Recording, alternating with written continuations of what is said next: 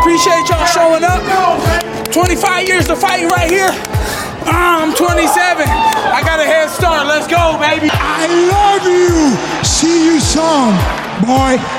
Shit, I ain't all that technical and all that, but shit, I'm getting there. Fuck it. It's nice to see you back. I'm black. I mean, I'm back. What's up, y'all? Jared Killer Gorilla right here.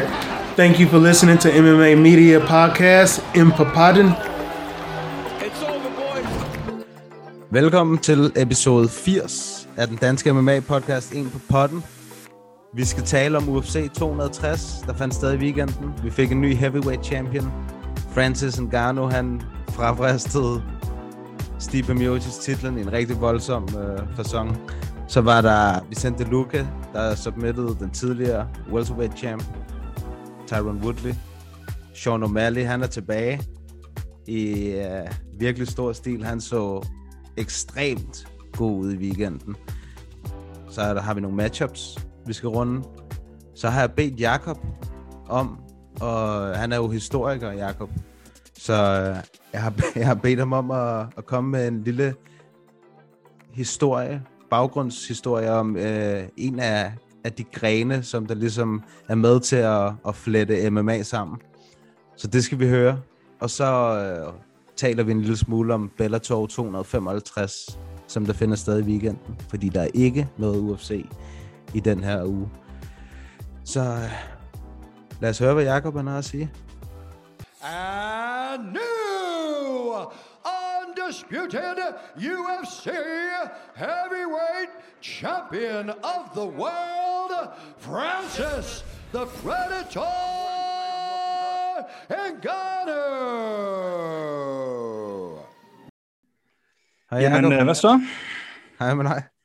Hvad så? Hvad sker der? Hvordan står det til? Det står sgu fint til. Øhm, det var jo et øh, fornemt kort, der var der. Ja, det synes jeg. Jeg var, jeg var rigtig, rigtig godt underholdt. Ja. Øhm, altså bare lige sådan, øh, vi starter bare en medias race, som man siger, med at øh, jeg googlede lige UFC før, fordi ja. jeg er så casual en fan. Og, øh, og der var det, det første sådan, øh, spørgsmål, der var poppet op, det var, øh, who has died in the UFC? Øhm, og så var der sådan nogle andre sådan generiske spørgsmål, og så var der sådan en, which sport has the most deaths? Og så tænker man jo, åh oh, nej, popper MMA op her. Men, men, øh, men ak, det gjorde de ikke, og det gjorde den ikke. Det er dog, øh, eller i stedet for, så er det en top 5, hvor at, øh, nummer 1, det er base jumping, hvor at øh, din odds for at dø, det er 1 ud af 2.317. Og så kommer der svømning, øh, okay, syg nok en, svømning, og så cykling, den der hjernedød sport, og så er der løb, og så er der skydiving. Så MMA er home safe i forhold til sådan top 5 over most deadly sports in the world. Det var sådan lige øh, en lille teaser, vi lige kunne starte på. Base jumping, det er heller ikke noget, jeg har lyst til at prøve. Nej. Så har man et, øh, et, død, et dødsønske. Du se, hvis man fik Francis Ngannou som sådan din jump in- instructor, som sådan skulle øh, sidde bag på dig i sådan en tandemspring. Plunge to the earth. ja, præcis. Og, Nå. uh, jamen, uh, apropos Francis. Han er Ja. ny champ. Han så jo... Ja, han så virkelig skræmmende ud, ikke? Altså, han, han stoffede takedown, og så... Uh, ja, så Stipe, han stod bare en lille smule foran ham, synes jeg, synes ikke rigtigt... Det virkede ikke til Stipe, han førte sin gameplan ud i verden, men det gjorde det til gengæld med Francis. Han var cool, calm and collected, som uh, de elsker at sige. Det var ligesom Bilal Mohammed, han tweetede også. I øvrigt, jeg vil godt holde dig op på, at du sagde, at de der tweets, de forsvandt hen mod mainkortet. Det gør de overhovedet ikke, jo. nej, nej, der var tweets under kampen. Og Og der under main eventet? Ja, og for det var det, Okay. Bilal Mohammed, han skrev, uh, Calm Francis is the scariest guy in the world. Ja, det er rigtigt, det kan jeg godt huske. Det er, det er også, det er sådan, altså det er ikke engang løgn, vel? Sådan en øh, sådan killer, som, som både kan være eksplosiv, som han var mod Rosenstrike, og så sådan en helt calm en, der bare lige kan ødelægge øh, en af de bedste, hvis ikke den bedste heavyweight, der har været, ikke? Øhm, men ja, du har helt ret, altså, at Stipe, han stod, bare, han stod for meget stille. Det var også det, hans Jørgen sagde til ham, we need to get more offense going, fordi at den der gameplan, han må have haft, den, den implementerede han bare overhovedet ikke. Og jeg vil sige, altså, de der, især sådan en som Ngannou, han kan, de kan altid stoppe nedtagningen, når de er friske, ikke? Så jeg, jeg håber ikke, at det var den, det ene nedtagningsforsøg, der gjorde, at Stipe, han ikke gik, gik på det mere, fordi det vil helt sikkert have været hans, altså hans vej til sejren, ikke? Øhm, men altså, ja, som Stipe han også selv sagde, der var masser ting, han kunne have gjort bedre, det kan man altid så sige bagefter, ikke? Men, men ellers er Stipe, han har godt benarbejde, altså han plejer, sådan ligesom han plejer, altså han cirkler godt, han har en god forståelse af, hvor er han henne i buret, øhm, men, øh, men så, så, så svigtede hans intuition ham så, da, da han troede, han lige skulle ind og klokke Francis ind. Men vores Francis han sagde, prøv lige at smage på den her stedet for, ikke? så. Ja, men altså, jo, men jeg ved ikke, uh, det virkede til, at efter det første, der blev han lidt afskrækket for at lave flere af de der takedowns, også fordi han blev netop virkelig straffet for det, ja. altså fordi han fik de der, Francis hoppede om på ryggen af ham der og gav ham et par næver, og så da han ja. rejser op, så fik han bare et uppercut helt ned for hoften. Jamen helt sikkert, altså, men, men det var også i første kamp, nu er det noget tid, sådan jeg har set, men der, blev han også, der var det også uh, firefighting, altså hvor at, at, at Stipe han så kunne, trække fra i de næste par runder, ikke? og det havde, jeg, det havde jeg personligt håbet, at Stipe han også kunne gøre, og altså, jeg så Stipe, han skrev, at han lagde mærke til, at Francis var begyndt at blive lidt træt også, ikke? så jeg tror, hvis Stipe han har kørt det samme game, som han gjorde første kamp, så, så kunne han sagtens have vundet, men, men, øh, men det var jo ikke sådan, det blev. Det var det godt nok ikke. Det er, ja, jeg vil, øh, jeg vil ryste lidt i bukserne, hvis jeg var en af dem, der skulle, der skulle op og, og battle Francis for den titel. Ja, fordi hvem, hvem er den næste? Altså... Ja, ja, det lyder meget til, at Dana gerne vil have, at det skal være Derek Lewis, The Black Beast. Han er også bare en af mine favorite fighters. Fuck, var han sej. Altså, jeg har lige hørt det der Joe Rogan podcast med ham også. Mm. Jeg ved ikke, om du har hørt det? Jeg har hørt noget af det. Hvor han, han sad og siger til Joe Rogan, at, øh, at han havde sagt til sine coaches, inden han gik ind i en kamp, at hvis han fik sådan en adrenaline dump, så han tænkte sig at losse en i løgn, eller losse ham i løgn, han har han kæmpet mod, så han ikke kunne få en pause. Hvor, og, så, og, så, og, så, og så gjorde han det, og så fik han en pause, hvor at Joe Rogan så, så sagde, det, det må du ikke sige her, uh, det går, vi skal cutte det her ud. han Den del har jeg ikke hørt. Den del han er så kold i røven, mand. ja, men altså, vi har, jeg ved godt, at vi har set den en gang, men det var ikke under ordentlige omstændigheder. Altså, det, det, det var, den var så mærkelig, mystisk kamp, ikke? Um, men ja, ja, den vil jeg da gerne se igen. Øh, og jeg vil... Jeg, jeg tænkte lidt over den anden dag, så tænkte jeg, Francis mod Black Beast, jeg, jeg vil gerne se det. Altså, jeg vil allerhelst se den mod John Jones, men jeg kunne også godt tænke mig, hvis at Francis han så får Derek Lewis, får lov til lige at forsvare titlen, eller prøve at forsvare titlen en enkelt gang. Ja. Forsvarer han så titlen, så kan han få vinderen af John Jones og Stipe. Okay. Ja, okay. Jamen, fair nok. Øhm, men du synes ikke, Stipe han fortjener en rematch? Jo, det synes jeg. Det, det, kunne, det kunne han også. Men sådan med det samme magte? Ja, jeg tror lige, han skal tage lidt tid. han, skal lige, han skal lige ned og sidde lidt. Ja, men han er også, han er også gammel Stipe, ikke? Han er sådan noget 38, eller sådan 39 mm. snart. Ja. Ja, så det er også Spørgsmålet bare... er, hvad han selv vil. Jeg tror sgu, jeg tror sgu, at han, jeg tror godt, han vil kæmpe noget mere. Det, altså, der er mange, der snakker om, han burde trække sig nu, fordi at folk, de snakker altid det der med tainted legacy og sådan noget, ikke? Mm. Det, jeg tror ikke, jeg tror ikke folk, der, der siger sådan noget, rigtig forstår, hvad der foregår ind i hovedet på sådan nogle kæmper. Altså, det, altså man, man når ikke dertil i, i sin karriere, sin UFC-karriere, hvis man er sådan en, der bare tænker, nå ja, men nu, nu parkerer jeg bare bussen. Altså, det er der selvfølgelig nogen, der gør, men, men de fleste, de bliver ved også, fordi de elsker sporten og kan lide at slås. Og, altså, det der UFC-program, The Thrill and Agony, ikke? Altså, mm. øhm, så ja, jeg ved det ikke, men, øhm, men jeg tror også til gengæld, hvis øh, Ngannou han skulle kæmpe mod Lewis, altså bliver det bare sådan noget low-kick show fra Francis side af, øh, indtil at øh, de der øh, hvad hedder, skrøbelige ben, som Lewis han har, de til sidst siger Armada her, og så, øh, ja, jeg tror, det bliver sådan noget. Det er også en ting, som der virkelig så godt ud på Francis i weekenden, hans, øh, hans leg kicks, og, altså, og de der ben, det er, altså, det må gøre, det må simpelthen gøre så ondt at blive ramt af de der low kicks for Francis.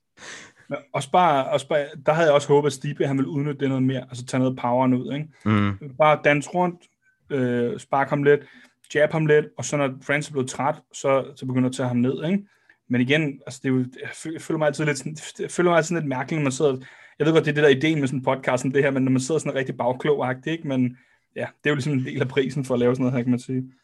Øhm, og så, øhm, og så er det uhyggeligt, Francis, han, bare, han, altså, han, har, han har bare så meget power lige meget, hvordan han står. Om han står modsat. Øh, han lavede meget det her med sådan at steppe igennem, altså sådan step through punches, ikke? hvor han skiftede benstilling med det, det hele. Men bare sådan noget check hooks og sådan noget, det fjernede bare Stipe fra den ene side til den anden side. Ikke? Altså, man tænkte, Jamen, han er simpelthen, han er, så, her, han er umenneskelig powerful. Altså, ja. det er for sindssygt. Det er for sindssygt. Det er også bare at den der, som Stipe han får, efter han er væltet, ikke? Ja. Jeg tænker bare, Jesus Christ, hold da op, man. Der er også blevet mange memes på det der måde, han faldt på, Stipe. ja, det så også. Han er på vej ned sådan en waterslide og sådan noget. Jamen, det er det, du, altså, hvis du taber sådan der, så kan du forvente, at der kommer internettet, det, det tager over, og så får det sit helt eget liv. Ja, lige præcis. Så, ja, nå, det er jo, øh, det er lidt ked af, at Stibe han tabte, men det er, jo, øh, det er jo, hvad det er. Der skal også have plads til de nye folk. Øhm, men det, han virker bare usårlig, Francis. Altså sådan... Ja. Jeg, jeg ved ikke, om han kan blive rystet, for eksempel. Har man set det indtil videre? Ja, ja ikke rigtigt. Lidt, måske lidt i den første med Stiba. Stiba ramte ham et par gange, men det er altså, du ved, han spiser dem bare. Jamen, det gør han jo, altså, han spiser dem bare. Han spiser dem bare, så får han bare flashback til, tilbage til saltminen, eller hvor det var, han kom fra. Han tænkte, never again. Jamen, for fanden. Han er, ja, han er skræmmende, og, og, ja, jeg glæder mig til at se, hvad der kommer til at ske. Ja. Om det skal være John Jones, eller det skal være The Black Beast, eller om det skal være trilogien. John Jones der, ikke? det er jo interessant, ikke? De er lige høje. John Ja. Jones er meget bedre teknisk, Mm-hmm. men, men, men Francis, han er bare altså, superhuman, superhuman ikke? Så det, det er også, jeg kan, ikke, jeg kan simpelthen ikke gennemskue, om det er noget, der kommer til at ske, eller om det er bare sådan noget tomsnak, fordi at, at John Jones han er for svær at forhandle med, eller Dana White er for svær at forhandle med, eller et eller andet. Ikke? Øhm, jeg kan også godt forstå, hvor Jones kommer fra. Altså sådan, at, at hvis han skal tage sådan en kamp, som er oppe i vægt mod den, den der lige har slået den bedste heavyweight nogensinde, så skal det også, det skal være det værd, hvis nu han så taber også, ikke? Altså, Jo, men han, han bliver jo nødt til at kæmpe i heavyweight, når han er gået op. Altså, så han bliver jo nødt til at kæmpe John Jones. Det, altså, det, det tror jeg nok, vi kommer til at se. Jamen det håber jeg da, men, men det er jo også bare, at det kunne være, at han vælger en eller anden lettere kamp, hvis han kan få det tilbudt, ikke? Det tror jeg sgu Øh. ikke. Han, han, vil have, han vil have titelkamp. Selvfølgelig. Jamen, jeg tror, også, jeg tror også mere at tage det der med, at, at med penge, pengeperspektivet, om de kan nå til enighed, ikke? Øh, for det kunne godt være sådan en, der blev trukket lang tid ud, den her, tror jeg. Jeg ved ikke præcis, hvordan deres forhold er, men... Betal manden, altså. Ja, lige præcis. Pay the man, ikke? Lige præcis. Betal manden. Han Overvej, skal- hvor stort det er, sådan pay-per-view numbers, ikke? Det er det. Og den der kamp, Francis, altså han kommer til at blive humongous world star. Også bare på, altså hele Afrika er jo bag, øh, er jo bag Francis. Jamen, jeg skulle lige til at sige, at altså, nu vil jeg nødt træde nogle over tæerne, men jo, det kunne være sjovt at undersøge, sådan, hvad seertallene er for Afrika. Fordi der er jo en ting, der hedder, om folk har tv, ikke? Altså, og så er der mm. en anden ting, der hedder, om folk har en forbindelse, og så er der en tredje ting, der hedder, om, om rettighederne til UFC overhovedet bliver solgt til nogle de her afrikanske lande, ikke? Altså, om de kan få en anden tv-aftale igennem, ikke? Det bliver jo ikke bare streamet ud på en eller anden fri frekvens, vel? Det tror jeg helt bestemt, det gør, fordi at, at hvad hedder Nå. det, UFC Fight Pass har også et, et øh, afrikansk øh, MMA-stævne, Ja, som ham Jamen- øh, Francis træner, eller tidligere træner ham, der Fernand Lopez, han, Mm. øh, han står for det, for det stævne. Jamen, jeg tænker bare mere om sådan noget som pay-per-views, for eksempel, om det, altså hvordan det fungerer sådan rent praktisk, sådan, ikke? Ligesom at vi, i Danmark, der har vi en aftale, der har, der er der nogen, der har i Viaplay der lavet en aftale, øh, hvor de jo tager grotesk mange penge for det, men øh, hvor de lavede en aftale om, at de får lov at streame maincardet, ikke? Øhm, og, øh, eller sende maincardet, og så kan vi kun få lov at se det andet på Fight Pass, ikke? Så jeg ved ikke, hvordan det hænger sammen. Af- Afrika er jo heller ikke, altså det er jo mange lande, ikke? Så, Jo. men det kunne være sjovt at undersøge, hvis man kan vide, hvor, mange, hvor meget sådan, der ligesom er, altså hvor, hvor meget at, at, at de serier, der har været, er fra Afrika af, ikke? Jeg tror, der er mange. Det kan godt være. Det tror jeg. Det så ud til, at der var mange i Francis landsby i hvert fald. ja, det er også for fedt at se sådan noget, ikke? Ja, jo, jo. Det er da Og også der er også en vildt, dame, der med er det der klip. Ja. Ja, der er sådan en dame, der rammer klippet sådan lidt, no, no, hold your horse-agtigt, og alle de andre var gået helt amok? Hun var bare sådan, no, vent, og så finisher han ham, og så gik hun også helt amok. Ja, det så, det så godt ud. Det er også helt, ja, som jeg sagde før, det er en helt vild historie, altså, hvor han er kommet fra, og hvor han er nu. Ja, og apropos Afrika, så jeg har sikkert nævnt den før, men der er jo også en afrikansk kampsport, der hedder dampe. Ja, Det ved jeg godt, Som hvad er er. den der, hvor du, hvor du har de der, hvor du har den forreste hånd, det er øh, spydet, og så, den, eller den forreste hånd er skjoldet, og den bagerste hånd er spydet, og så er de bare rappet ind i, øh, i altså et eller andet ubehageligt, der gør mm. det Mm. hårdt. Umiddelbart for Nigeria, står der umiddelbart. Der kunne Isi godt have været stort, ikke der herfra? Jo, og Usman. Okay. Usman. Nå, lad os sætte, uh, tale om uh, nogle af de andre kampe her. Vi sendte Ja. ja. Luca mod Woodley. Det var... Ja. Uh, nu har vi jo været efter Woodley de sidste mange gange, fordi han ikke har gjort noget som helst. Men han ja. lagde ud som lyn og torden, og det så egentlig også meget godt ud for ham i et kort sekund, hvor han ramte Luca rigtig godt. Og så blev han bare... Altså, så blev han virkelig straffet selv. Det er ærgerligt, og det er igen bagklogskabens lys, bare sådan en rigtig rookie mistake, ikke? Altså, fordi at han tyrer så hårdt, Woodley, mm. at han, altså, han nærmest mistede balancen. Og, altså, det, det er for meget. Uh, der, prøv at se bare Francis, ikke? Altså, da han rystede Stipe, selv der, der var han disciplineret uh, flere gange sådan, ikke? Uh, hvor, altså, det, det, det skal man sgu, det, det, det burde man vide, ikke? Um, og det var også totalt humor, da lige efter kampen var startet, og han blev clean op mod buret Woodley, så var kommentatorerne bare sådan, ja, det er jo her, vi er vant til at se Woodley. Det er også rigtigt. Det er der, han har brugt størstedelen af hans sidste par kampe, ikke? Uh, ja, men Luca, han er sgu... Han er en killer. Han er Han er virkelig en killer. ham der, ja. Og Her- Herzog var også ved at steppe ind flere gange, altså sådan, hvor han nærmest stod imellem dem. Ja, og han, han altså, buret holdt jo Woodley oppe i flere øh, omgange. Altså, det var... Ja, Woody han lignede sådan en, der prøvede at play it off, du ved. ja, men han havde, altså, han havde virkelig også et godt pokerface. Han så ikke ud til... Altså, han lignede ikke en, der var så rystet, som han i virkeligheden var, fordi han kunne nærmest ikke stå på ben. Altså, han kunne ikke stå. Woodley han har bare det bedste resting bitch face i MMA-gamet, ikke? Altså, Det er rigtigt. Når han, når han virkelig vil, så, har han sådan et, øh, så ser han ligeglad ud. ja. Men det var godt domarbejde for Herzog, er du sindssyg. Han, han var lige på tæerne hele tiden, stod og ventede og holdt øje. Laver han nu comeback og sådan noget, ikke? Øhm, og jeg synes faktisk, det var okay. Altså, øhm, ja, men, øh, men ærgerligt for Woodley, altså det er også, han har haft nogle hårde kampe nu, ikke? Øh, og den her kamp, den kunne han godt have vundet, sådan, fordi han rystede ham, og så taber han alligevel, ikke? Altså, ja. det er sådan lidt, where, where do we go from here, ikke? Jamen, han er, han er færdig i UFC. Hans, det var hans sidste kamp på kontrakten. Var det det? Yep. Nå, tror du ikke, han bliver resignet? Nej, det gør han ikke. Nej, og man har også ikke, Dana, ikke, ikke, ikke, for, ikke hvis man skal tage ud fra, hvad Dana han sagde uh, til, Nej. til pressekonferencen i hvert fald. Så gør det er jo også sådan noget 38 eller sådan noget. Deroppe ja. af 6, 37 eller sådan noget, 38. Så kommer han sikkert over i PFL eller Bellator eller et eller andet. og Enten straffer nogen, eller bliver rigtig straffet. Ja, yeah, et eller andet. Ja, måske hvis han gerne vil, ja, hvis han stadig gerne vil fight. Nu må vi Ja. se. Ja, lige præcis. Nå, og så, øh, så er der O'Malley-kampen. Er vi videre til den? Det var æder spark mig en fed kamp. Altså Thomas Almeida, han er han er benhård. Han var ikke han er ikke uh, vi snakkede lidt om han var lidt chinny. Det synes jeg egentlig ikke han var, for han først og fremmest så tog han et headkick lige på mundtåret øh, og blev stående, ikke? Øh, og han Jo. fik al- eller det gjorde han så et kort sekund, indtil han fik den der højre hånd, så han røg ned. Øh, og så prøvede, så troede øh, O'Malley jo, det var slut, og selv gik væk. Altså, jeg kan ikke lide O'Malley. Oh. Det, øh, jeg, jeg, jeg synes, han er fjols. Øh, jeg synes, han er meget sej at se, at se på sådan kæmpe, men uh, sønder fjols. Øhm, og som jeg også sagde sidst, der mistede jeg alt for ham, eller meget for ham, det der var, han sagde det der med, at han ikke, øh, altså han prøvede at play det der, den der, øh, det der den der, han tabte, øh, altså han prøvede at play it off øh, med, at jamen, det var ikke øh, rigtig loss og sådan noget, det var bare, øh, og nu har han prøvet at gøre det til sådan en ting, han kalder sig undefeated, fordi han måske godt kunne se, at det begynder at være lidt whack, så nu har han gjort det ligesom Triple C. Øh, Ja, nu har han gjort det til en ting. Nu har han gjort Ja, det til det bliver man ting. også nødt til. Sådan PR-mæssigt, det bliver du nødt til, når du har fremstået som sådan en fjols, ikke? Så bliver du nødt til at gøre det sådan en gimmick. Så kan du sige, it was a plan all along, øh, øh, altså måske redde dig selv lidt, ikke? Jeg kan ikke lide ham. Der, det kan jeg godt mærke. Ham kan du ikke lide.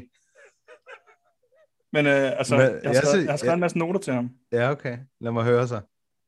Øh, jamen, jeg, altså, det er jo så til kampen, ikke? Men jeg har noteret mig, at det var en mærkelig gameplan, Almeida han kørte. Altså, øh, han prøvede lige low om lidt i starten, og så forsvandt han fuldkommen for det, sådan, eller i hvert fald meget fra det, ikke? Og så at hele tiden at køre sådan, han, han forsøgte ikke at, han forsøgte at lukke, lukke afstand i sådan nogle korte bursts, Almeida, Altså sådan noget med at, at, at sådan loop overhand eller et eller andet, ikke? Hvor der tror jeg, jeg havde, jeg tror, jeg havde sagt til ham, at jeg vil gerne have ham til at, at, at, at, at kort distancen mellem de to, sådan så, at der ikke er den der kæmpe reach-forskel. Det er jo ikke, når du hele tiden kæmper på, på den afstand, O'Malley gerne vil, vel? Altså, med alle de, de øh, spændingteknikker og sådan noget, O'Malley fik lov at smide det, altså fordi at han var perf- perfekt afstand hele tiden, ikke?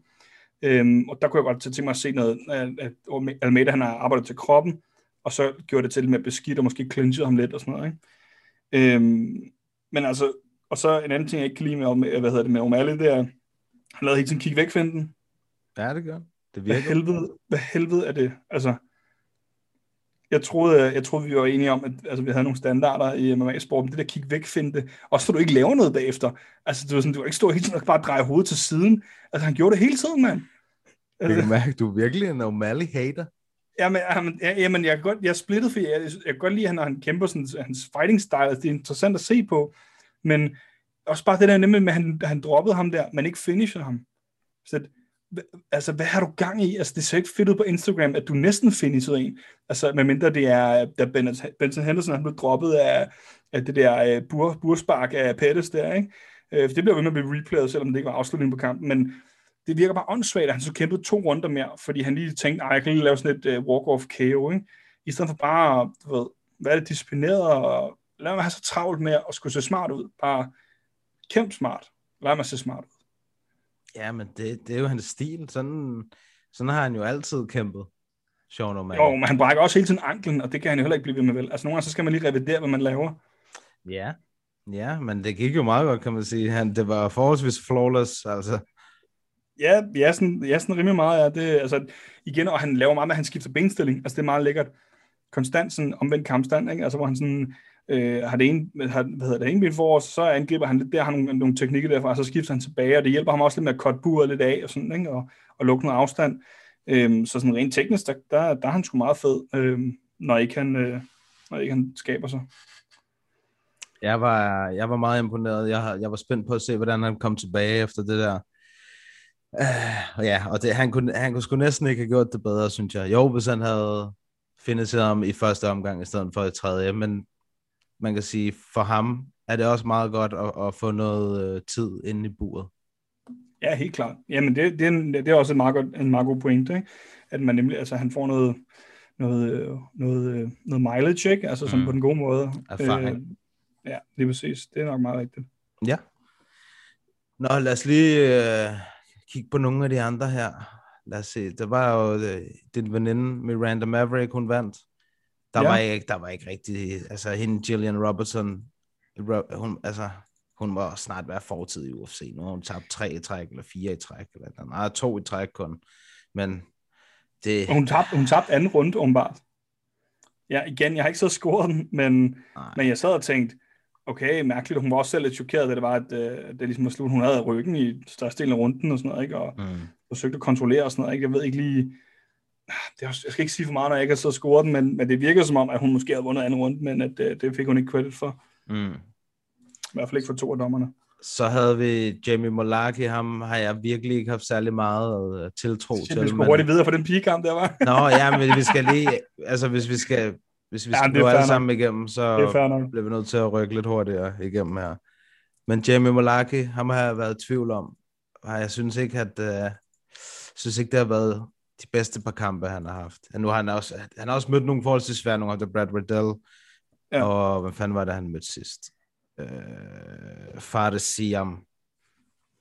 Men han lignede heller ikke en, der gad at være der sådan vildt meget, til, altså, da han kom ind til kampen. Han lignede en, der var blevet presset lidt ind i det. Altså han så sådan lidt, øh, han så en lille smule øh, frustreret ud, da, han, da, han, altså, da de startede kampen, ikke? Men øh, han slog så meget fint, kan man sige. Det gjorde han, det gik hurtigt. 46 sekunder, så var Kammer Worthy ude derfra. Uh, ja, Jamie Malaki, han, var, han havde sgu nok også ryggen mod muren med to losses i træk.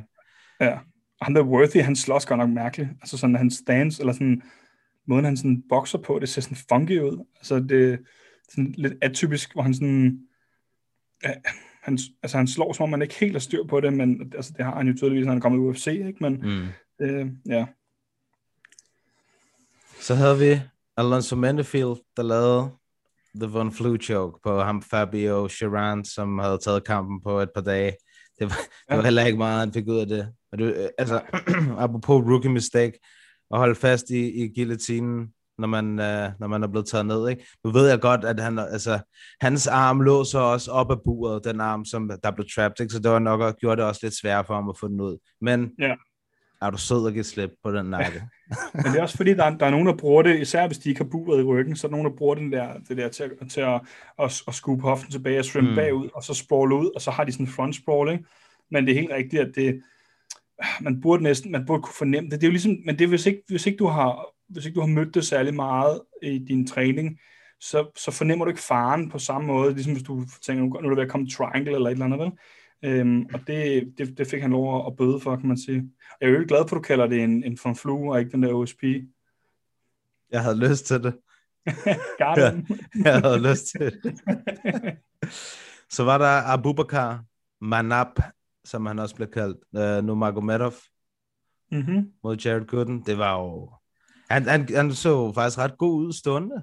Altså, der var jo ikke noget wrestling, faktisk, overhovedet i den kamp. Var det ikke lige til sidst, eller sådan noget, der var et eller andet? Ah, jo, men altså... Men ikke meget, det er rigtigt, men, men ikke meget. Men 12 sekunder i, ud af 15 minutter, ja. eller hvor meget det var. Det er ikke, det er ikke Mm.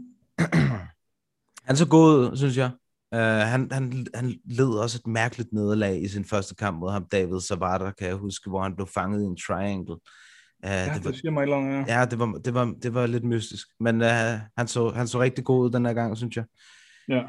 Han havde også Habib i hjørnet. Jeg tror virkelig, at det betyder noget for de der gutter at have, at have Habib i hjørnet, nu når at Habibs far ikke er her mere, ikke? Jo, helt sikkert. Var, var, var, var det altid uh, Creepys far, der var i hjørnet for, for alle dem der? Eller? Ja, når, altså, når han kunne få lov til at komme ind i landet, ikke? Jo. Så jo. Ja, okay. Uh, ja, så var der Bukauskas. Modestas Bukauskas mod Michael Olichechuk. Mm. Hvad siger du til den kamp? Det er fint nok. Altså, jeg har ikke set den nok til at kunne komme med et eller andet godt, sådan kvalificeret bud. Jeg så den, men øhm, nu er det også øh, nu er det et par dage siden, så jeg, jeg ved ikke, om jeg har noget godt at sige faktisk. Der var, det var sgu også...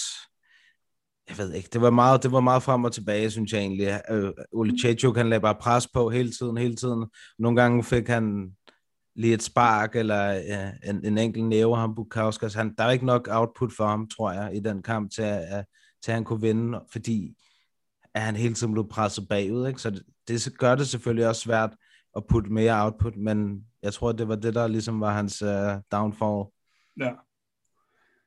Ja, så var der, så var der Omar Morales mod Shane Young. Ja, Det var også en tør kamp, var. Ja, det, det, det, var, det var nok aftens mest tørre kiks. Jeg, jeg så det med min kammerat, så sagde jeg også bare til ham, bare roligt, det bliver bedre. Det, gjorde det også. repræsentativt, ja. det gjorde det også. Uh, ja, den første kamp, allerførste kamp, Marc-André Barrio mod Abu Asaita, der var jo en ting, som uh, vi lige skal tale om. Uh, ja. Det lignede, det lignede, at han sådan gik stiff, at han blev stiff, uh, Abu der. Men så viste Ja. det sig, at det var på grund af, at han, at han uh, havde tabt sit, uh, sit mouthpiece. Ja, så lige midt i sådan en øh, sådan knockout-brænder der, så, så, så nåede han lige at tænke, øh, jeg skal lige, jeg skal lige have den her, jeg skal lige have den her tandbeskytter. og det er jo også, jeg tror ikke, man skal lægge noget til det, men, men altså, nogle gange så kan nogle af de der kæmper godt spekulere lidt i øh, altså, at samle den op, fordi så kan de lige købe lidt tid, ikke? Øh, eller, eller hvis de er ved at blive nakket i en eller anden flurry af, af strikes. Men, øh, men det der, det tror jeg simpelthen bare, jeg tror, hans hjerne var bare slukket. Han tænkte bare, Some, something's wrong here, og så øh, jeg tænkte den samler jeg skulle lige op en gang, ikke? Ja, jeg kan huske Bisping mod Anderson, Ja, hvor han fik det der flyvende knæ, hvor "Øh, mit mouthpiece, og så får han bare et knæ i øjet i st- i stedet for, fordi han ikke beskytter sig. Ja, det sgu også dumt. Det skal man altså Men øh, det, på. var, det var alligevel, øh, det var en banger, den der, altså ham der Barrio, det er en pressure bare igennem, og til sidst så knækkede han bare ham der, altså Asaita der, altså, det, så kunne han ikke følge med det mere. Nej, men jeg synes måske godt, at den kamp, den kunne have været stoppet en lille smule før. Hvad siger kamplederen i dig?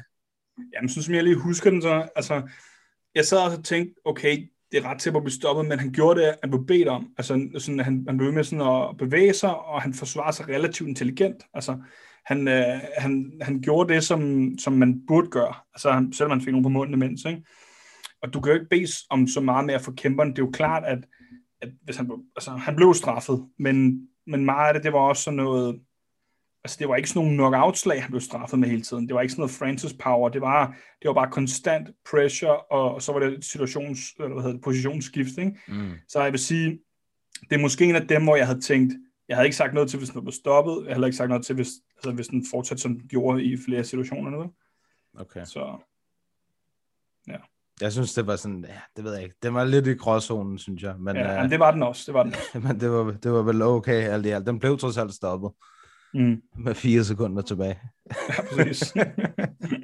det er jo også Ja. bare det, der er så hårdt som, som, som ref, ikke? Det kan jo være, at den var blevet stoppet, hvis, øh, hvis der havde været publikum på, ikke? Fordi du bliver jo altså, du bliver vildt påvirket, eller du kan blive vildt påvirket af, af det, der foregår omkring dig, men også bare dig selv.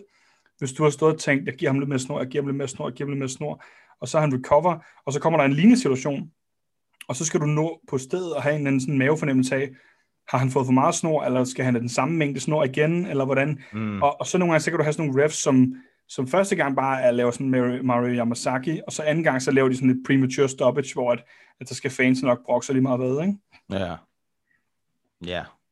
Det, det, det, er, det er selvfølgelig også svært for dem. Ja. Nogle gange, så føler jeg bare, så kunne vi godt passe en lille smule bedre på. Men jeg synes faktisk, at det er blevet, jeg synes faktisk, det er blevet bedre. Ja. Over, den seneste, over det seneste lange stykke tid, synes jeg faktisk, at, at der er blevet gjort et, et, et, godt stykke arbejde af, af stort set alle kamplederne, faktisk.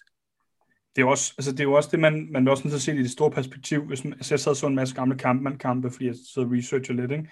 og der så jeg, at, at det blev hele, de blev hele tiden rejst op eller brudt i clinch, fordi at, at det var bare, det var bare, det var bare ikke sådan, kutumen var, at man fik lov at være sat, sat meget der længe. Altså, folk var gået amok nogle gange, hvis det var, de havde set de der kampe, hvor at, at, så blev de brudt efter ved, 30 sekunder op af buret, selvom de stod og lavede noget. Ikke?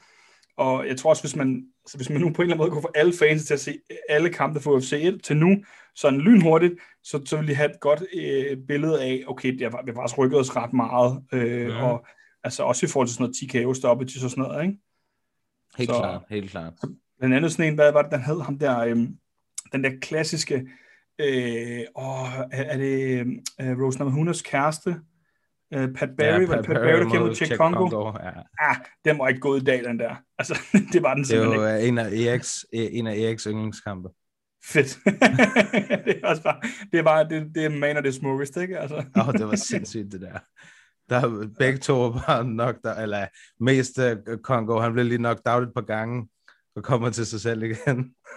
Det er det der, når folk de slukker helt, det, det er sådan farsign eller far, Ja. fartime, der skal man sådan lige som ref, skal man sådan, okay, han er ikke bare, altså, eller hvis folk bliver sådan helt stiff, øh, altså hvis de bare folder sammen som sådan en, øh, ja. sådan en gang vand, eller hvis de bliver helt stive, så, så skal kampen stoppes sådan, ikke?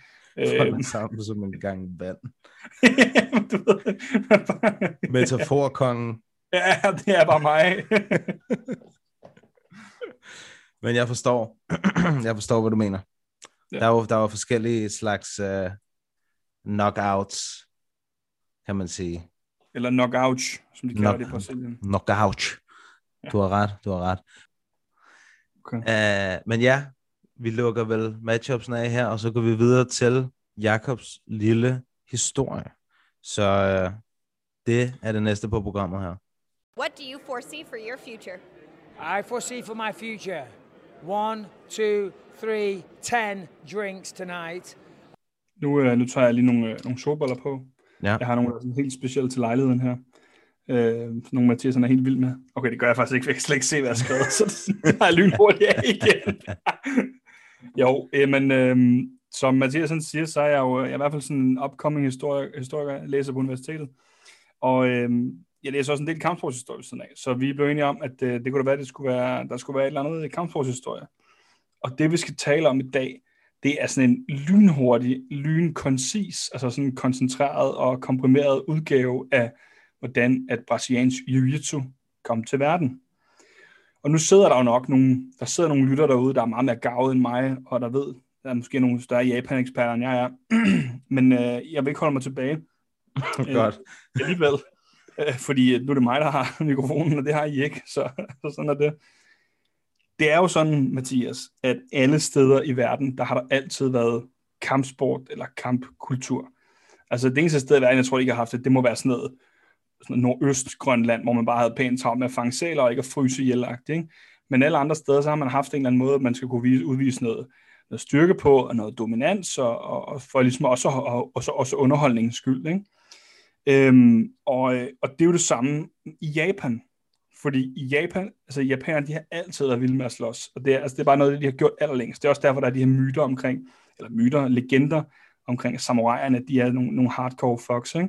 Mm. Og øhm, vi skal starte, altså Jap Jap japanerne har altid ligget i krig med hinanden. Det man sådan lynhurtigt skal forstå omkring Japan, det er, det er en masse sådan forskellige, jeg tror det hedder øh, præ præfekter eller præfekturer, sådan nogle små distrikter sådan rundt omkring, eller små sådan nogle distrikter lever rundt omkring.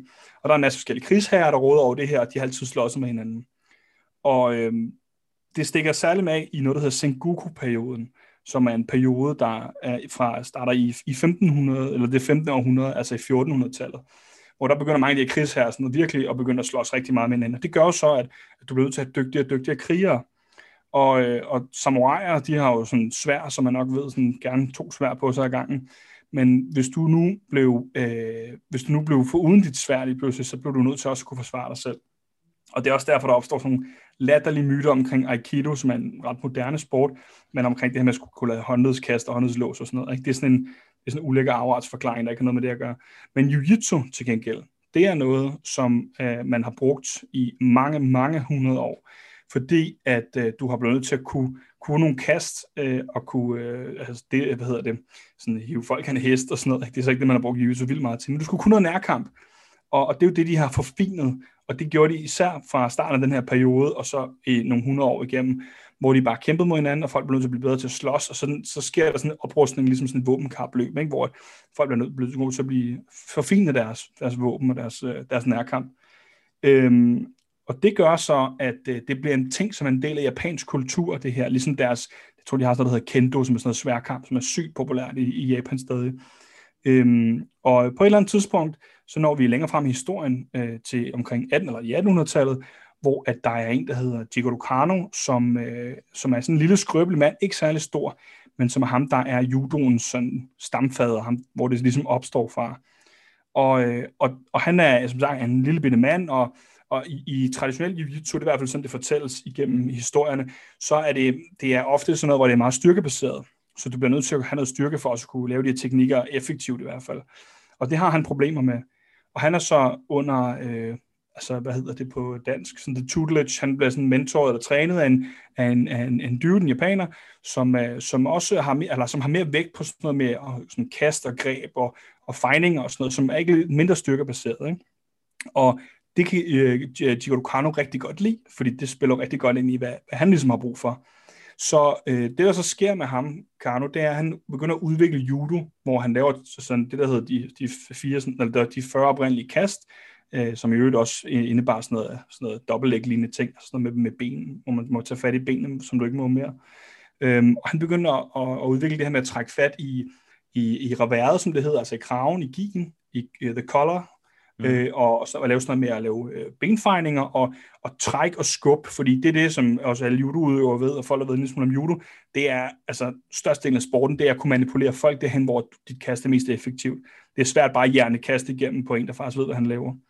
Så det forfiner han, og så i slutningen af 1800-tallet, så, så opstår øh, sådan selve sporten, judo, og, øh, og han har sådan et koncept om, at det her, det, det må gerne blive bredt ud. Øh, det her, det behøver ikke bare være for den elite mere, det må godt blive til almin, øh, almin også alligevel.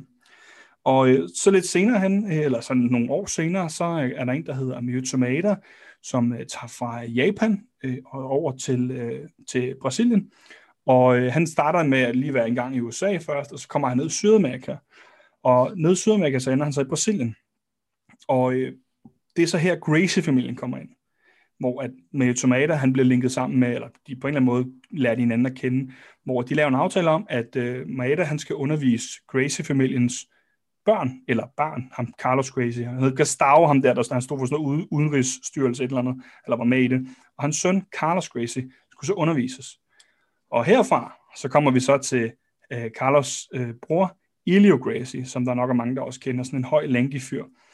Øh, men Elio, og det staves H-E-L-I-O, øh, han var også sådan en, en skrøbelig fyr, der går sådan nogle historier om, øh, at han, han, han havde måske en sygdom, da han var lille, så han, ikke, han var ikke helt færdigudviklet, eller sådan helt, altså, som, som han kunne blive. Og man skal jo mm, bemærke sig her, der er syg, der er virkelig mange fortællinger om Gracie-familien, og man kan ikke, det er ikke altid lige til at gennemskue, hvad der er bullshit, og hvad der egentlig bare er godt for sådan en jiu-jitsu marketingspunkt. Men han gjorde det samme som Karno. Han fandt ud af, hvad virker det rigtig godt for mig, hvordan kan jeg, hvordan kan jeg gøre det her lettere for mig at slås mod folk, der er meget stærkere end mig selv. Så de begynder, og han begynder at have rigtig meget fokus på at lave kast og nedtagninger, som er ret effektive, som ikke kræver rigtig meget styrke, som kan få ind på gulvet. Og det er så herfra, hvor brasiliansk jiu-jitsu begynder at blive sådan en, en, en mere guldkampsfokuseret sport. Øh, slet ikke som den er i dag, det er noget helt andet, men hvor det er, at der er mange af de her teknikker, som bliver brugt. Teknikker, som opstår fra jiu-jitsu og judo men som så bare bliver videreudviklet i Brazilian jiu-jitsu. Og de træner sig det her lang tid, og ham Carlos Gracie, jeg nævnte først, han begynder at lave sådan en masse sådan call-out matches, fordi nu skal I se, hvor, hvor stor stærke vi er -agtigt. Øh, og det bliver sådan en ting, det her med, at der er de her, kom og prøv jeres evner imod vores brasilianske jiu-jitsu. Øh, jeg er ikke helt sikker på, hvornår selve begrebet brasiliansk jiu-jitsu opstår, men de laver sådan øh, nogle call-outs på det her. Og, øh, og det, der så sådan, skal blive sådan en afslutning på historien, det er, at, at judo kommer tilbage og hjemsøger dem på et tidspunkt, hvor at, øh, hvad hedder han, Masahiko Kimura, som ham, der har lagt navn til det, der også i, i catch wrestling hedder en double wrist lock, han øh, kommer fra øh, Japan til USA til en af de her challenge matches. Og i historien lyder, at, øh, at Kimura han har fået at vide af den japanske regering, at, at du kan godt bare lade mig vende tilbage, hvis ikke du vinder. Øh, fordi det var sådan med steder, udenrigspolitik og sådan noget. Ikke? Og ære. Og, øh, og han kæmper så, ja lige præcis ære, og han kæmper så mod Ilio, og øh, igen, der er mange sådan divergerende historier. Øh, nogle påstår, at underlaget skulle blive gjort blødere, fordi de vidste godt, at ham der judofyren ville kaste og sådan noget. Men de kæmpede så, øh, og Jigoro, eller undskyld, øh, Masahiko Kimura, han kastede Ilio en del gange, og havde regnet med, at han kunne nok ham på det, fordi han var en hård fyr. Folk skal gå ind og google Kimura, hvis ikke de kender ham. Det var sådan at han øvede øh, Osotogai, altså sådan noget sådan stort yderkast på træer og sådan noget, som ikke flytter sig. Ikke? Så han var kendt for nok folk på den her altså, teknik, Osotogai. Øhm, og de kæmpede så, og han ender med at brække øh, Ilios arm på en kimur. Og, øh, og det er jo sådan lidt en, en circle of life, ikke? at så, så ender du med at have, have, have en, en japaner, der kommer tilbage med den originale kampsport, og lige viser, øh, I, skal ikke, øh, I skal ikke bare tro, at øh, I har fundet på det nye shit, fordi det, I laver, det kommer højst, eller det kommer øh, øh, direkte fra os. Ikke? Ja, ja, ja. Øh, og det er jo så, så herfra, der stikker det sig af med, at, at brasiliansk jiu det bliver mere populært i Brasilien, øh, og så kommer det til sidst til, at på et eller andet tidspunkt, så bliver det fundamentet for rigtig mange, der træner MMA. Bum. Det var godt, Jacob. Det var en god historie.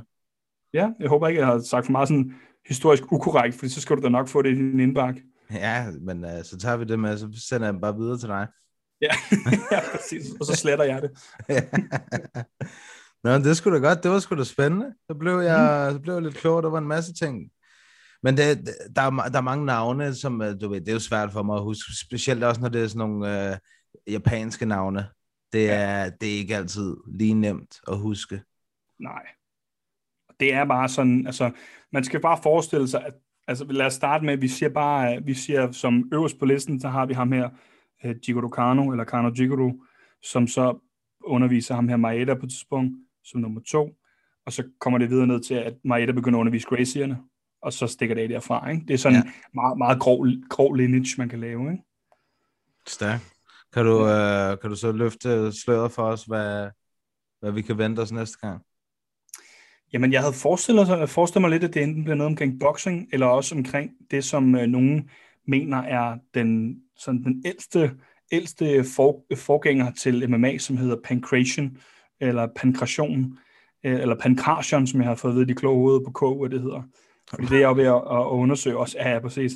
Øh, og det var bare sådan en lille teaser, så var det sådan noget med, at uh, angiveligt, at, at du kunne, uh, du kunne snilt dø derinde, uh, fordi at, at folk, de havde, de havde ære. Det er ikke ligesom i dag, vel, hvor folk, de heller bare vil være derhjemme. Hardcore miljø. Ja, præcis. Det må man godt nok sige. Jamen, øh, det, det, var, det, var sgu, øh, det var sgu godt, Jacob. Så, øh, så lukker vi bogen for i dag. Første kapitel af Jacobs øh, MMA-historie. Og yes. så går vi videre til Bellator 255 stævner. This isn't this isn't a death Let's match. talk about what you when when you've done that. Yeah, this is a simulated death match, and you haven't simulated anybody's death yet. Her på fredag, der kan man se Bellator 255 det bliver ikke alt for, det bliver ikke alt for gennemgående her, fordi at, at selv for en som mig, som ser rigtig, rigtig meget med så er der bare altid mange navne på et Bellator-kort, som man ikke lige nøjagtigt ved, hvem er. Ja. uh, men der er et par stykker, som jeg, som jeg synes er ret spændende. Uh, på prelims, der har vi uh, en, der hedder Magomed Magomedov. Ved du, hvem okay. han er? Måske. Jeg synes, jeg har hans navn før, men det er også det er lidt tavligt, fordi der er mange af de der, der hedder Medov øh, sådan in the mix, ikke? Jo, det er rigtigt. Men Magomed Magomedov, han er, han er 17 og 1. Det er hans anden kamp i Bellator. Han vandt sin første kamp. Uh, han, hans eneste nederlag, det er til Peter Jan. Og okay. han er også en af, ja, han er faktisk den eneste, der legit på papiret har slået uh, Peter Jan. Okay, på papiret? Ja, fordi at Peter Jan er 15 og 2 nu, på grund af det der med Aljo, ikke? Nå, ja, okay. så, øh, men det er jo en forholdsvis interessant øh, kæmper, kan man sige. 17 og 1, og det eneste nederlag er til Peter Jan, plus han har slået Peter Jan. Det er også det er sjovt, hvordan nogle af de her dygtige, dygtige kæmper, at de så ender, eller det, det er godt, at de ender andre steder end UFC også, ikke? hvor man sidder, jeg tror, jeg tror lynhurtigt folk, og inklusiv mig selv, godt kan blive lullet lidt ind i sådan en tankegang om, at når alle de dygtigste er i UFC altid, øh, hvor at du kan altså godt have nogle af de her, altså don't sleep on them kæmper, ikke? Som, som er andre steder først, øh, men som så ikke bare lige kommer ind i UFC på grund af, at de ikke altså, havde mulighed for det, eller fordi de blev tilbudt det, eller sådan et eller andet, ikke? Jo, jo, men du kan jo bare se, altså Michael Chandler er jo øh, det største lysende eksempel på det lige pt, ikke? At øh, en champ for en anden organisation, en af de rigtig store organisationer, fordi der er jo selvfølgelig masser af champs for andre organisationer, der er i UFC, men Bellator er ligesom en af de helt store spillere, ikke ligesom UFC. Uh, men ja, altså, de har, de har rigtig mange gode, hvad hedder han, uh, Douglas Lima for eksempel, ikke? og de har jo også, uh, nu har de ham ikke mere, men Rory McDonald, som gik fra UFC til Bellator, han er jo også en fantastisk kæmper, Rory, altså. Ja. Så uh, man skal ikke være snydt af, at det er en på papiret lidt mindre organisation. Der kan virkelig være nogle rigtig, rigtig dygtige kæmper. Men han skal så møde Magomed Magomedov her. Han skal møde en, der hedder CJ Hamilton, som er 15 og 7. Og... Ja, Bellator har ikke engang givet putte billede på ham ind på deres hjemmeside. så hold da op bare. Men jeg kan så se, han, han er, hans tre seneste losses ham her, Hamilton, det er mod Jimmy Flick, som er en UFC-kæmper, mod Jordan Espinosa, som nu er en tidligere UFC-kæmper, og Casey Kenny. Okay. Så det er, altså, your, det er, det er nogle dygtige nogen. Ja, Casey ja. Kenny er meget dygtig, synes jeg. Ja, ja okay. Så uh, ja, men det er jo også top, top, uh, top udfordring, kan man sige, de tre der. Nogle af dem, nogle af dem. men uh, Ja, det, det, det er en af de kampe, som jeg i hvert fald vil, øh, vil fremhæve, og så har vi også på prelim, den sidste prelim, inden at main court går i gang, øh, en tidligere UFC-kamp også, Roger Huerta. Kan du huske ham? Ja, ham kan jeg godt huske. Ja. Det, vi har også en, øh, en dansk MMA-kæmper, der hedder Roger Huerta. Ja, det ved jeg godt. Første El Dorte. Første gang jeg så det, tænkte jeg også, er det ham? Shout out. Den, den, flinkeste, den flinkeste pro med kæmper i Danmark, Luchador, we love you. Nice, nice, nice. Men ikke, altså igen, da jeg så det første gang, så tænkte jeg også, hvad fanden, Roger Huerta, hvad fanden laver han inde i CSA? det var gjort han ikke, ikke den, ikke den i går så en rigtig tidligere UFC-kæmper, Roger Huerta. Men de, de, har, de har så en. Ja, okay. Men han skal møde en, der hedder Chris Gonzalez, som er 5 og 0. Det er jo ganske og fint. Men... Crazy record forskel, ikke? Altså 24-12, og så 5-0. Ja, det er det. Men uh, Roger Huerta har virkelig også været i mange wars igennem tiden. Er du svimmel, mand. Ja. Hold da op, han er, er 24 og 12, ikke? Altså... Jo, jo. Ja, det, altså, ham, han har kæmpet fem gange. Altså, det, altså, ja, men uh, det kan være en dygtig, ham, ham, der, ham kender jeg ikke. Hvem er dem? Chris Gonzalez, nej, ham kender jeg heller ikke, men uh, det virker jo til, altså nu, på papiret så ser det ud til, at, at de gerne vil have den uh, unge ubesejrede til at se, kan du slå ham her, som er et, uh, et godt navn, ikke? Jo. Hvis du kan slå ham, så du, kan du ligesom få slået dit navn fast. Uh, så lad os gå direkte til mainkortet her. Mainkortet, der er der en uh, Nurmagomedov. Lige præcis. Det var den, jeg ville op til. Usman Nurmagomedov. Det er hans før... Jeg har aldrig set ham kæmpe før. Det er, fordi han har kæmpet i uh, UAE Warriors og Fight Night Global and GFC. Uh, al, ja, du ved, mindre organisationer. Okay. Han gør sin Bellator-debut. Han er 11-0, og han er Nurmagomedov. Så bliver man altid nødt til lige at kigge. Ja. Der er ikke så meget der. Kæmper han mod uh, Matt Hamels long lost brother? det er ikke helt sådan, det staves heller. Okay. Hamel.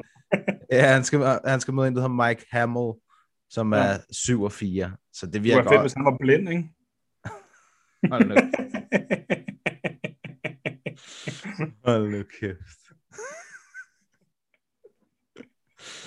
Ej, det, er også, det er også for dumt bare. ja, men altså, baby jokes. ja, præcis. Din mor jokes. ja. Uh, Co-main eventet går vi til. Ja. Fordi der er jo i linje med det, du lige har fortalt os om. Brasiliansk Jiu-Jitsu. Der har vi en Oh, Gracie. Neiman yes. Gracie mod Ja. Jason Jackson. Jeg skal jo huske at sige, at det der crazy der, der er også nogle af de der dudes, der gifter sig lidt til det. Altså, hvor det ja. Ikke er sådan den der lineage, så er det, de har fået også nogle døtre, de der, ikke? Øh, jeg, jeg, tror, jeg ved ikke, om det er tilfældet med Niemann, jeg er også ligeglad, men der er bare nogle af de der, så, så, så er de blevet gift med en af, af, af Gracie-klanens øh, døtre, og så, så tager de bare Gracie-navnet, fordi det giver altså, det giver altså creds on the street. Jeg giver respekt, og jeg hedder Gracie 100%. Og så er det jo også Gracie-navnet, det kommer også fra sådan noget øh, Irland eller sådan noget. De er jo indvandret, Gracie-familien, til Brasilien. Okay. Så øh, det er derfor, de hedder Gracie. Gracie. Ja. Men det er en, øh, det er en ret god kamp. Neiman Gracie 10-1 mod Jason Jackson, som er 13-4. Og Jason Jackson i en sidste kamp, der slog han Benson Henderson, og i kampen før det slog han Jordan Mean. Så det, okay. Okay. altså, det er nogle forholdsvis gode. Det er to tidligere, altså den ene er tidligere champ, og den anden er bare tidligere UFC-kæmper, ikke? Jo, jo. Ja, fedt, mand. Ja, så det, det, det, det synes jeg skulle er en, øh, en meget god kamp. Og så har vi selvfølgelig main eventet af det Bellator Featherweight Grand Prix, som de har haft kørende. Patricio Pitbull, han møder Emmanuel Sanchez. Hvad kan du fortælle mig om Emmanuel Sanchez? Emmanuel Sanchez, han havde en fuldstændig outstanding semifinal præstation imod øh, den tyske kæmper, ham Daniel Weichel hedder han. Okay. Han fuldstændig dominerede ham i fem omgange, og øh, altså, det så allerede ud til i første, ja, måske starten af anden omgang, som jeg husker det, at Weichel var på vej ud, han havde fået en masse leg kicks, han havde, altså, han havde virkelig fået prøl, men han holdt ud i alle fem omgange, og øh, ja, han så virkelig, virkelig god ud, øh, Emmanuel Sanchez, men det er trods alt Pat- Patricio Pitbull, han skal op imod, og han er altså, han er altså ikke for børn. Nej, nej, okay. Han er the double champ, altså. Fedt. Ja. Så der er, og I kan se det derude på YouTube, gratis. Ja, hvad tid er det cirka, ved du det? Det er, Er det sådan om natten? Fordi at sidst, uh, Mads han kæmpede dot, det er sådan om dagen, men det var måske, fordi du var i Frankrig. ja, det, det var helt klart på grund af, at det var i Frankrig. Men Mm. øh, ja, det ved jeg ikke. Lad mig prøve at se, om jeg kan hit ud af det, mens at, øh, jeg har i røret her, skulle jeg så sige. Ja. Bellator, så kan- MMA. Så lige i mellemtiden, så kan jeg da bare lige underholde fansene lidt, eller lytterne. Altså, jeg kan jo fortælle, at mig, mig, og Mathias, vi sidder og, og kigger på hinanden nu, han er så taler, at det, det ligner, at Mathias han har taget sådan en 3 mm trimmer sådan hele vejen rundt på hovedet, også ned i skægget. Så det er sådan, det er sådan alt håret på hovedet er lige langt, lige meget hvor man kigger hen. Det er, det er sgu ret fascinerende. Det er et Øh. aero, aerodynamisk æg. Det er jo dynamisk ikke, når man skal hurtigt ud af Brøndby Stadion, efter de har tabt, ikke? Du må desværre ikke komme ind, jo. Ah, det er rigtigt. Jeg kan, det, det kan jeg simpelthen ikke... Uh, det kan jeg ikke lure endnu. Nej. Det er ikke, det er ikke til at se. Man må holde sig vågen. Ja, ja, fordi altså, du kan være sikker på, at main, main-kortet, det, det er sent om, uh, sent om natten. Fredag nat, ikke? Jo, natten til Ja. lørdag, jo, ja. Ja. Så, uh, men ja. Det er jo bare at holde øje. Nu skal, out, ja. nu skal Mads jo heller ikke kæmpe, så det, så det er ikke lige så interessant for mig, som det var uh, som Nej, det var før. Der er der stadig nogle, der er der stadig nogle gode matchups, det er der helt, helt sikkert. Der, ja, men lige præcis, og det var også derfor, at jeg synes, at øh, nu er der ikke noget UFC-event i weekenden, og det, altså, det er jo forholdsvis sjældent, at, at, øh, at der er Bellator i forhold til, til øh, UFC, så det er fortjent, at vi lige øh, Ja. gav det lidt omtale, synes jeg. Må man sige. Ja. Var det det for i dag? Nej, der er en ting, vi lige skal huske. Åh oh, nej. Torsdag. Torsdag, torsdag, torsdag. Louis, mand. Louis Glisman. Aha. Ja, Han skal og det er kæmpe. også med Joachim. Ja, Ja, han ikke, Ja, det var gået fuldstændig, jeg ved ikke, det var gået helt under radaren øh, for mig. Jeg ved godt, jeg vidste godt, at Jokke skulle kæmpe, men øh, ja. altså noget, en, en uge før, at kampen den skulle finde sted, der tror jeg, jeg fandt ud af det. ja, okay. Jamen, jeg så det også bare, fordi Kupti har slået et eller andet op, eller Ja. Kupti han har slået et eller andet op, ikke? Jo. Og øh, altså, jeg tror, at han skrev, han havde kottet 7 kilo vægt uden sauna, eller sådan Ja, noget. ja, det så jeg godt, ja. What the fuck? ja, det var sådan, jeg tænkte, hvad fanden han lavet? Altså, det, er du sindssygt, du skal bevæge dig meget for at smide 7 kilo væske uden Jamen, sauna? kan, kan han ikke have været i bad? Han kan have været i bad, og han kan også have kørt sådan noget roller load, hvis det endelig var, og, og han havde dragt på og sådan noget, men det gør det altså gør det en del lettere, hvis du har en sauna, tænker jeg, eller det, det er jeg ret sikker på, at jeg godt kan sige, uden at få, få på munden for det. øh, men han kan selvfølgelig også godt have, have, have været i bad. Ja. Jeg ved Ja, det var nogen ærgerligt. Ja, undskyld. Hvad sagde du? Jeg siger bare, det var ærgerligt, at Joachim ikke kunne få lov til at kæmpe. Han, han havde jo ellers en rigtig god sejr sidst, altså hvor han nede i Tjekkiet kom som kæmpe underdog og, og slog ham på hjemmebane. Mm-hmm. Så det kunne da have været godt for ham at ja, udvide sin sejrstime. Ja, ja, præcis. Og så, så må jeg bare håbe, men ved du hvad, ved du, kan du fortælle seerne eller lytterne om, øh, hvordan man kan se øh, Louis Gisman kæmpe? Ja, Øh, du om- skal gå om ind på Brave, Brave, Brave ikke? øh, jo, Brave CF hedder det, tror jeg. Er det ikke sådan? Ja, bruger, jo, ja, det kan godt være, det var Jo. Combat Federation hedder det sikkert, ja. Ja, lige præcis. Uh, bravecf.tv. Jeg tror, det er sådan. ja. Ja, så skal man oprette en bruger, er det ikke sådan? Jo, og så koster det noget. Gør det det? Ja, det gør det. Nå, jeg synes, jeg så det, da han kæmpede sidst gratis, men det kan godt være, at jeg tager fejl. Det kan sgu, nej, jo, det kan sgu også godt være, faktisk. Det hedder bravecftv i et.com. bravecftv.com. Jeg har jo set Brave Stone live, jeg var nede i, øh, til, øh, som coach til VM i amatøren af. Der, Ja. Det var også Bahrain jo. Det har de Ja. holdt nogle år, fordi de har nogle oliesharker, der har mange penge, og som betalte sindssygt mange penge for, at øh, sådan nogle, sådan nogle lowlife som mig blev hentet sådan nogle dyre, helt nye Mercedes og sådan noget fra, fra lufthavnen, og vi snakker altså sådan noget sygt mange atleter, ikke? Der var noget at se det, øh, fordi at øh, de øh, selvfølgelig, det er jo en Bahrain, Bahrain ting, ikke? Så mm. efter, efter der havde været øh, VM i fire dage, så holdt de lige en dags pause, hvor der var Brave om aftenen, og så, øh, så var der amatørfinale dagen efter. Det skulle da meget godt. Ja. Så Fedt. Men husk at se Louis torsdag. Fredag kan du se Bellator. Ja. Og Det så er det det. bare, og så er det påske, så husk at uh, spise påskeæg. præcis. Jeg har sendt et gækkebrev. Nej, det har jeg ikke. Men... Har du det? Nej, det har jeg ikke. Men uh, kan I have det godt derude, og så uh, lyttes vi ved i næste uge. Vi ses. Ses. Hej.